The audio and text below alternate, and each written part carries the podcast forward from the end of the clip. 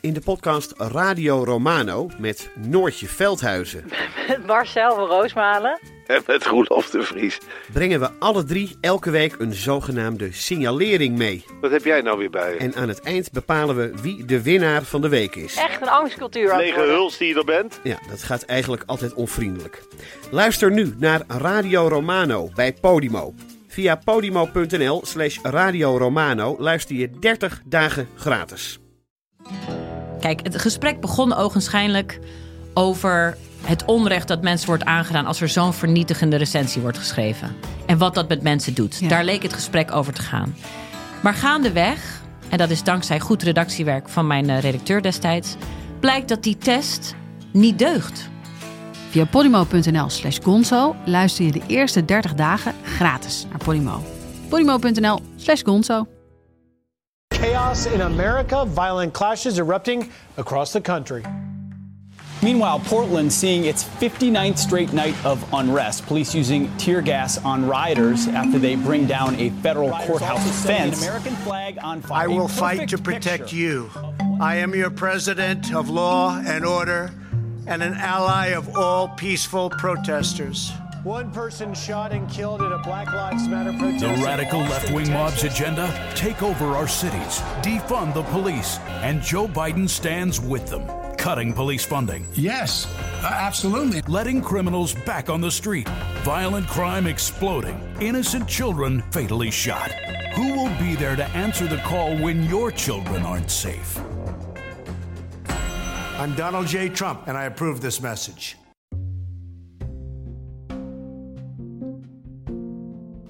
Welkom bij Radio Amerika, de podcast van de Groene Amsterdammer over de Verenigde Staten in 2020. Tot aan de presidentsverkiezingen van komende november en nog even daarna spreken wij elke paar weken over een belangrijk politiek moment. Over de achtergronden ervan en over de mogelijke gevolgen voor de presidentsverkiezingen tussen de zittende president Donald Trump en zijn uitdager Joe Biden. Ik ben Rutger van der Hoeven, de buitenlandredacteur van de Groene Amsterdammer. En ik bel vanaf de redactie in Amsterdam met onze correspondent in de Verenigde Staten, Casper Thomas. Deze week gaan we het hebben over law and order. In de Verenigde Staten begonnen twee maanden geleden enorme demonstraties na de dood van George Floyd, een zwarte man die door een politieman werd gedood bij zijn arrestatie. De stad Portland is nu al twee maanden lang elke nacht in de greep van protesten en president Trump heeft erop gereageerd met de inzet van federale agenten. Dat heeft meteen tot een toename van geweld geleid in Portland, maar Trump heeft aangekondigd dat hij deze troepen in een tal van Amerikaanse steden wil gaan inzetten. Hij wil hier duidelijk het thema van maken van de komende verkiezingen en gebruikt daarvoor een bekend motto: Law and Order. Dat is eigenlijk wel heel vreemd, Casper, dat al twee maanden geleden die demonstratie begonnen en dat dat nu dan tot een escalatie van geweld leidt. Ja, het is, Rutger, het is, is, in die zin niet helemaal nieuw wat er nu gebeurt in Portland. Eh, het, het, het interessante was dat in het begin van die protesten in Washington eh, had je eigenlijk al een beetje hetzelfde patroon. Dat Trump heel hard toesloeg of terugsloeg eigenlijk eh, tegen die demonstranten. De, je had op een gegeven moment in Lafayette Square, dat was het, het, het, het, het parkje recht voor het Witte Huis, wat een, verzamelplaats was voor demonstranten. Waar mensen op een gegeven moment traangas werden verdreven en er liepen op dat moment, en, en ik heb dat ook gezien op de straten in Washington, eh, er liepen allerlei vormen van, van, van federale ordentroepen rond. Eh, er, er werden militairen van buiten gehaald. Dus het is eigenlijk van meet af aan de inzet geweest van Trump om de, de, de, vreedzame demonstraties, eh, daar een, een, een, echt een hele krachtige eh, en op, af en toe het gewelddadige af een eh, antwoord tegenover te zetten. Ja, dat is wel. Die situatie in Pennsylvania Avenue, die werd destijds heel erg afgeschilderd als een enorme flater van Trump. Hij, was, hij stond er heel slecht bij dat hij ongewapende demonstranten zo liet weggeven. Maar als we nu kijken naar die situatie in Portland, dan is er eh, volgens mij was dat een heel belangrijk moment. Want jij, jij zegt al, er waren allerlei soorten federale agenten en dat blijkt nu best wel belangrijk te zijn. Ik, ehm, eh, ik las een reconstructie van het geweld in Portland. En nou ja, zoals je zei, er begonnen die, eh, die grote protesten van Black Lives Matter. En Trump die hoopte heel erg dat dat zou uitlopen op geweld. Maar dat, dat was niet zo. Er kwamen miljoenen mensen de straat op en dat was overal, eh, vrijwel overal vreedzaam. Maar wat er gebeurde in die marge van die eh, protesten is dat op 29 mei werd er een federale agent doodgeschoten in Oakland die een federale rechtbank eh, beschermde. En die de dader ervan bleek een sergeant te zijn van de luchtmacht. En die was lid van een extreemrechtse groepering die tegen de overheid was. Hij was lid van een militie die de Boogaloo Boys heette. Maar daarop reageerde toen uh, het departement van Homeland Security door het vormen van een, um, een taskforce van federale agenten. En dat waren inderdaad allerlei verschillende federale agenten. Secret Service zat erbij, die daar nooit voor gebruikt is. Uh, maar ook National Guard en ICE. Gevangenisbewakers zaten ertussen. Gevangenisbewakers. En die um, die zijn toen gebruikt door Trump om Pennsylvania Avenue uh, schoon te vegen. En vervolgens toen uh, demonstranten uh, standbeelden begonnen uh, aan te vallen en neer te trekken, heeft Trump geredeneerd en zijn minister van Justitie van ja, dat, dat is een aanval op federale uh, federaal bezit. En ik mag die federale troepen daarvoor inzetten. Dus die heeft hij toen vervolgens ook naar Portland gestuurd. En die zijn dus daar niet om de rellen weg te slaan, uh, althans nominaal niet, maar om federale gebouwen te beschermen. Nou ja, en, en voor Trump dus om uh, te laten zien dat hij de orde bewaart. En dat is, dat is het belangrijkste. Trump wil zich tonen als een president die. Hij wil, hij wil de suggestie wekken dat, dat het anarchie en geweld in de steden is. En dat hij eigenlijk de president is die tussen de uitbarstingen van geweld en, uh, ja, en, en, en, en, de orde instaan. Alleen wat je dus ziet, Trump moet op zoek naar, naar diensten en troepen waar hij inderdaad uh, jurisdictie over heeft, die hij kan inzetten. En dan kom je dus uit op inderdaad zo'n zo'n samenraapsel van allerlei, all, allerlei vormen van, van, van ordepolitie. Want heel, heel veel steden die zitten helemaal niet te wachten op, uh, op die troepen. Die, die zeggen, wij kunnen het prima zelf af voor zover je orde bewaard moet worden. Dus het is een. Trump gebruikt de steden op dit moment in Amerika als een soort showplatform om zichzelf neer te zetten als een, als een law and order president. Ja, maar het, het, het pijnlijke is, het werkt natuurlijk wel, want dat geweld neemt toe in Portland. Hij kan laten zien, uh, of je ziet op Fox News, dat er federale agenten worden ingezet om uh, dat te bestrijden, of in ieder geval tegen de andere kant. Je, zag het meteen terug in verkiezingspotjes, uh, las ik. Dus dat geweld, dat is er ook, waar vervolgens die federale troepen op kunnen reageren. Ja, en, en er zijn ook standbeelden omvergetrokken. En dus dat is allemaal, dat is, dat is geen, geen fictie. Alleen een, een, een, sterke geweldsreactie van de overheid, die lokt natuurlijk ook weer tegen protesten uit. En inmiddels zijn die protesten in, in, in Portland zijn, het zijn begonnen als Black Lives Matter protesten. Inmiddels zijn het ook protesten tegen een overheid die optreedt met uh, ordebewakers die zonder identificatie en zonder badge mensen in een busje stoppen en afvoeren voor verhoor. En er ontstaat in, in, in juridische kringen in de VS nu een hele discussie van... hé, hey, maar wacht eens even, wat zegt hier de wet precies... en waar liggen de grenzen aan, aan, aan de wet? Um, het gaat heel erg over de vraag wanneer mag je eigenlijk iemand arresteren. En, en daar zijn de regels in de VS, in de VS verder vrij duidelijk over. Uh, er moet een duidelijke aanleiding zijn uh, om, om, om iemand te arresteren. En er worden nu af en toe gewoon mensen uit de massa gepikt en, en afgevoerd voor verhoor. Dus je, je ziet dat, en ik ben heel benieuwd waar dat gaat eindigen, want we zitten daar nog middenin, dat Trump echt afdraait in een, in een soort geweldspiraal. En daarmee dus ook een conflict opzet, niet alleen tussen zichzelf, kiezers en, en, en, en demonstranten, maar ook tussen zichzelf en andere bestuurslagen, even heel, simpel gezegd, zoals gouverneurs en burgemeesters van steden. Ja, maar als, als ik jou erover hoor praten, ik weet niet of dat klopt, maar ik, het lijkt alsof jij, uh, alsof, je, alsof je redeneert van ja, de, de juridische basis hiervan is zo wankel. En Trump die begeeft zich op zo'n uh, zo dun ijs dat het, dat het voor hem een heel groot risico is. Er werd ook aan het begin van die Black Lives Matter beweging gezegd van nou deze beweging is zo breed. Als Trump hier nu tegen gaat reageren met geweld, dan is dat heel, de, ja dan schiet hij zichzelf daar enorm mee in zijn eigen voet.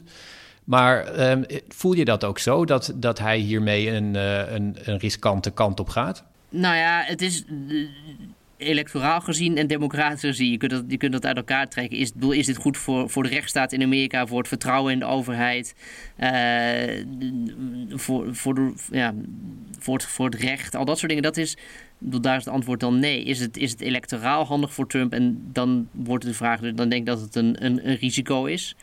Um, er is niks ergers voor uh, de Trump-critici dan, dan bewijzen zien dat hij zich gedraagt als een autoritaire leider. En op het moment dat je eh, soldaten gebruikt als een soort politiek instrument en, en, en inzet met, op disproportionele wijze inzet, dan, dan, dan wordt dat beeld bewaarheid. Tegelijkertijd zijn er genoeg kiezers uh, die inderdaad bang zijn voor meutes, uh, voor geweld. En die, die, die vrezen dat de demonstraties op een gegeven moment bij hen voor de deuren plaatsvinden. En voor die kiezersgroep kan het natuurlijk inderdaad wel uitkomen dat, je, dat, dat, dat Trump zegt: hé hey jongens, eh, stem op mij, want ik ben de president die hier de orde probeert te bewaken.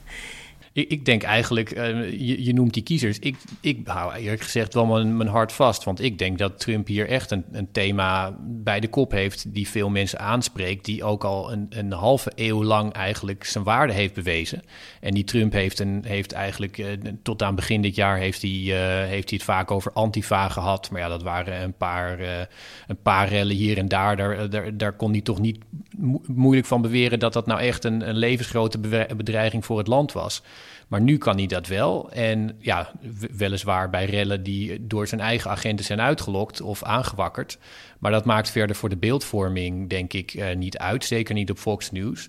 En dat thema van law and order, dat is wel echt een, een winnaar voor de Republikeinse Partij. Dus ik ben daar echt wel een, wat minder positief over wat minder gerust over dan jij. Nou, ik ben, ik ben er nog niet gerust op hoor. Uh, en, en je hebt helemaal gelijk. Uh, Nixon was een law and order president. Reagan was een law and order president. En je ziet dat Trump heel erg dat, uh, die strategie probeert uh, te kopiëren. Je, zelfs op een gegeven moment in de jaren negentig probeerden de, de Democraten met Bill Clinton een beetje die law and order agenda over te nemen. Want het hele idee van dat de Democraten steeds werden weggezet door de Republikeinen als soft on crime. Uh, van de weeromstuit als het ware zijn de Democraten toen ook maar die kant op gaan hellen. Dus het is inderdaad een, een, een, een winnend verkiezingsthema. En, maar de vraag is gewoon: gaat het zwaarder wegen dan de andere grote thema's. En het idee van rechtvaardigheid, uh, raciale rechtvaardigheid aan de andere kant van het spectrum, daar moet het tegen opboksen. Maar het moet voor Trumps eigen kiezers ook opboksen tegen uh, de slechte staat van de economie en, en de, de rommelige manier waarop de corona-uitbraak wordt aangepakt. Dus ik, het is ook een soort last-ditch effort van Trump om uh, nog iets te vinden waarop je zegt: ja, hier kan ik nog mee scoren. Want hij heeft gewoon niet zoveel meer over. Dit is het enige wat nog rest. Ja, ja dat, uh, dat, denk ik, dat ben ik zeker met je eens. Maar ja. Ik denk dus wel dat het een sterk, sterk thema is. Je noemde Nixon en dat is het voorbeeld waar, waar vaak aan wordt gerefereerd.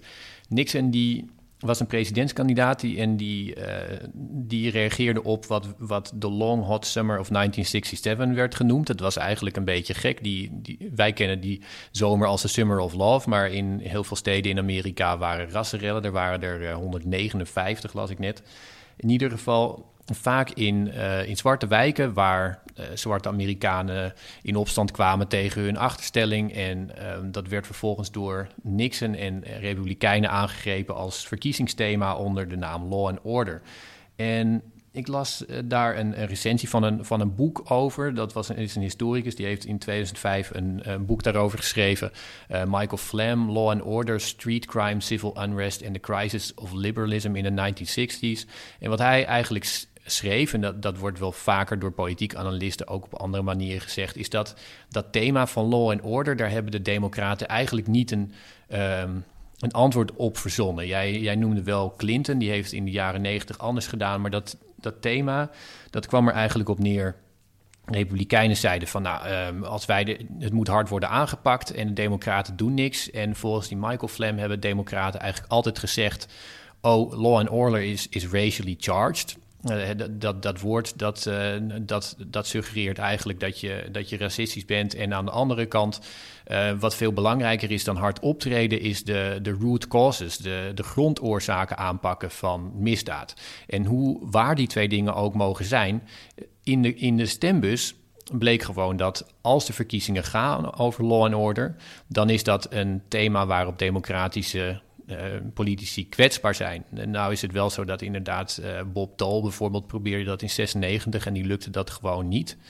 Tegelijkertijd, uh, nou ja, we, we, moeten gaan zien waar het, waar het heen leidt. Maar, maar voor jij, Trump jij is dit duidelijk zijn dat laatste... Trump zijn, zijn, zijn silver bullet te pakken heeft. Of, of, of, via dit onderwerp een, een, een, een pad naar herverkiezing gevonden heeft.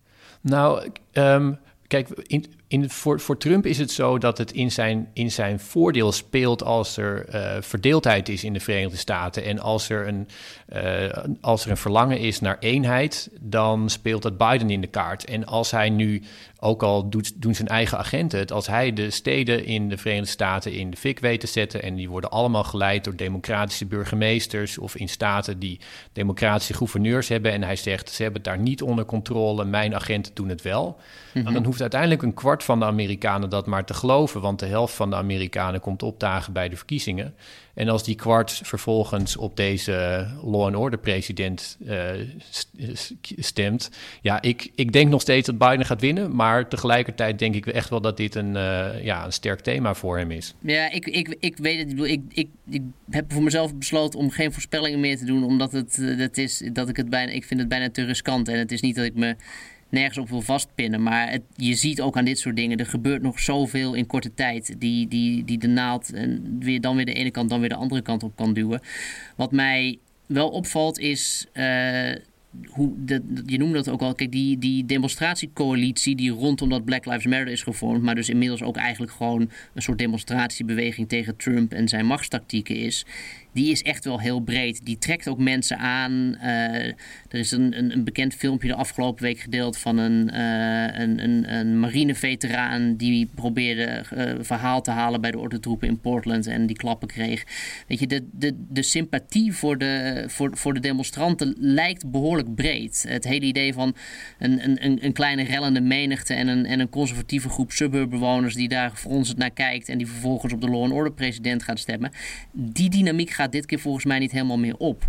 Dus dat zou, voor mij is, is, is er geen zwakker moment geweest als het ware in de geschiedenis om, om die law and order kaart te trekken. Maar goed, dat, dat moet inderdaad nog wel blijken.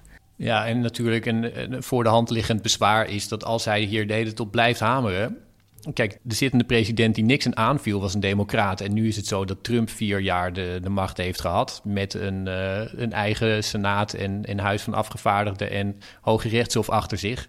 Dus zeggen dat het hele land in de fik staat, uh, weerspiegelt natuurlijk ook op zijn eigen presidentschap. Ja, dat Joe Biden kan in een debat voor de voeten werpen. Oh, uh, wat, wat heb je dan de afgelopen vier jaar gedaan om, om die problemen aan te pakken en op te lossen? Um, en, ja, en, en nogmaals, kijk, dit doet uiteindelijk gewoon een beroep. En dat is het, het, het beetje het trieste van, van hoe de, de verkiezingen en de politiek in Amerika steeds meer aan het worden is. Op een beroep van hoe, hoe, ster, hoe sterk slaagt een president of een kandidaat erin zijn eigen realiteit in de hoofden van kiezers te planten. En dus niet verhoudt zich dat tot feit of wat mensen daadwerkelijk uit hun raam zien, maar verhoudt zich dat tot wat mensen denken dat er aan de hand is. En het nadeel, of de, moeilijkheid is nu natuurlijk dat vanwege die COVID-situatie mensen gaan veel minder de straat op, mensen praten gewoon minder met elkaar, mensen zien elkaar minder. De mogelijkheden om de realiteit in de hoofden van mensen te vormen via tv, plaatjes en, en, en, en, en internet is, is nooit groter geweest. Dit worden verkiezingen waarin mensen echt ongelooflijk in hun eigen bubbel opgesloten zitten. Nog veel meer dan normaal het geval is. En dat geeft natuurlijk wel extra ruimte en extra mogelijkheden om het idee van, van dreigende chaos en anarchie op de Amerikaanse straten heel erg aan te zetten. Ja, nou nog een paar maanden te gaan en dan, uh, dan weten we het, Casper. Ja, nou ja, we zitten bijna tegen de 100 dagen grens aan. Uh, en en ja, wat, wat mij dus zo opvalt is hoe snel de dingen kunnen veranderen. Uh, dat corona zag natuurlijk niemand aankomen, maar ook het ontstaan van die Black Lives Matter protesten die juist weer het tegenkamp van Trump enorm uh, veel strijdlust heeft gegeven, zagen we niet aankomen. Die felle reactie, het, het, echt het inzetten van geweld. Wat ik zeg, ik, bedoel, ik had niet verwacht dat ik door de straten van Washington zou lopen tijdens Trumps presidentschap. En zou had moeten wegrennen voor wolken traangas. En het risico liep klem worden gezet tussen, tussen blokken oproeppolitie in, in, in straten. Dus Washington was een beetje de dry run, een beetje de, de, de oefengrond. En in die zin het spreidt dat dus nu naar andere steden die, die die aanpak. En dat doet ook een beroep natuurlijk op die demonstranten. Die, moeten, die kunnen ook laten zien dat Trump een president van het excessief geweld en het, en het overdreven ingrijpen is. En op het moment dat er bejaarden worden gemapt, uh, journalisten tegen de grond worden gesleurd. Weet je, het is echt in die zin spelen met vuur voor Trump electoraal. Want de, de beeldvorming kan ook zomaar de andere kant op doorslaan. Ja, en die, uh, die Wall of Moms die, uh, die in Portland de dem demonstranten gingen beschermen, dat uh, doet ook wel heel, dat doet gewoon direct denken aan de dwaze moeders in Argentinië. Nou ja, en dat is een krachtig beeld. Ik bedoel, dat zijn, dat zijn, dat zijn gewoon inderdaad moeders uit, uit, uit de buitenwijken die daar staan. Ehm, dus ik, ja, ik weet niet. Ik, ik achterkant ook nog wel dat Trump zich gewoon een beetje vergalopeert aan het, aan het enige paard waar hij nog op kan wedden. Ja, we gaan het zien. Zeker. Dankjewel, Casper. Ik, uh, we bellen over een paar weken weer. Ik kijk ernaar uit. Tot ziens. Dag.